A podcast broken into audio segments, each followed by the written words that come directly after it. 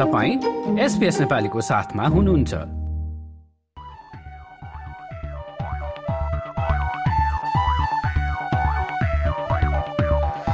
र श्रोता NRNA अस्ट्रेलियाले services अस्ट्रेलियासँग मिलेर शुक्रबार पन्ध्र डिसेम्बरमा बिहान एघार बजेदेखि एक बजीसम्म family tax benefit parenting payment child care subsidy लगायतका विषयमा जानकारी दिने उद्देश्यले अनलाइन कार्यशालाको आयोजना गर्दैछ। टिम्सबाट हुने कार्यक्रममा सहभागिता जनाउनका लागि एनआरएनए अस्ट्रेलियालाई सम्पर्क गर्न सकिनेछ। यसै गरी एनआरएनए अस्ट्रेलियाकै आयोजनामा अकाउन्टिङ विषय पढिरहेका विद्यार्थीहरूका लागि यही क्षेत्रमा रोजगारी प्राप्त गर्न र आफ्नो अकाउन्टिङ करियरलाई अगाडि बढाउन चाहिने सिपहरूका बारेमा अनलाइन कार्यशाला हुँदैछ। यही एक्काइस डिसेम्बरका दिन अनलाइन र अनलाइन मार्फत र सिपी अस्ट्रेलियाको सिडनी स्थित कार्यालय एक सय एघार हेरिङटन स्ट्रिटमा गएर फेस टु फेस पनि उक्त कार्यक्रममा सहभागी हुन सकिन्छ।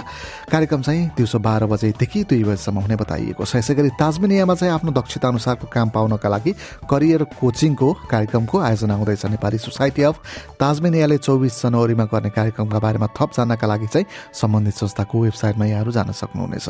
यसै गरी नेपाली सोसाइटी अफ ताजमेनिया र इक्वेल अपर्च्युनिटी ताजमेनिया मिलेर सामाजिक भेदभावलाई निर्मूल पार्न सामुदायिक जानकारीमूलक कार्यक्रम हुँदैछ। शुक्रबार पन्ध्र डिसेम्बरमा दिन साँझ छ बजे एमकोट hub sixty five Hopkins street मोनामा उक्त कार्यक्रम हुने बताइएको छ। यसै गरी नयाँ वर्ष आउँदै गर्दा तमु समाज सिडनीमा लोछारको कार्यक्रम हुने भएको छ। शनिबार छ जनवरीमा हस्पिटल स्थित मराना अडिटोरियममा। त्यसै गरी अस्ट्रेलियन नेपाल पब्लिक लिङ्कको आयोजनामा चाहिँ आगामी तेह्र डिसेम्बर र चौबिस जनवरीमा पानी सम्बन्धी सुरक्षा तालिम हुँदैछ। तिनवटा समूहमा विभाजित कार्यक्रम चाहिँ तेइस नोभेम्बरमा भइसकेको छ भने तेह्र डिसेम्बर र चौबिस जनवरीमा हुँदैछ।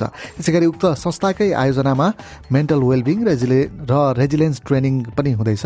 स्वस्थ व्यवहारद्वारा मानसिक स्वास्थ्य सुधार कसरी गर्ने भन्ने बारेमा उक्त तालिममा सिकाइने बताइएको छ। सत्र फेब्रुअरीमा उक्त कार्यक्रम आयोजना हुनेछ। यसै गरी सिडनीमा चाहिँ गुठी अस्ट्रेलियाले आगामी फेब्रुअरी चारका दिन सामूहिक कार्यक्रमको आयोजना गर्दैछ। भिक्टोरियामा पनि पृष्टि गणेश मन्दिरमा मार्च महिनामा सामूहिक कार्यक्रम हुँदैछ। यसै गरी शनिबार छ जनवरीका दिन ग्रान्डभिल डिगर्सनमा दिउँसो दुई बजेदेखि चार बजेसम्म सिर्जना सङ्गम भन्ने कार्यक्रम हुँदैछ र गीत सङ्गीत अनि गजल सुनाइने उक्त कार्यक्रम गोर्खा नेप्लिस कम्युनिटीको आयोजनामा हुन लागेको छ।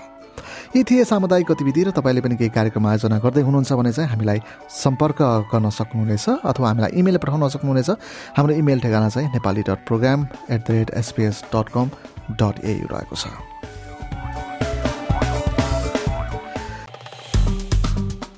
लाइक सेयर र कमेन्ट गर्नुहोस् एसपिएस नेपालीलाई फेसबुकमा साथ दिनुहोस्।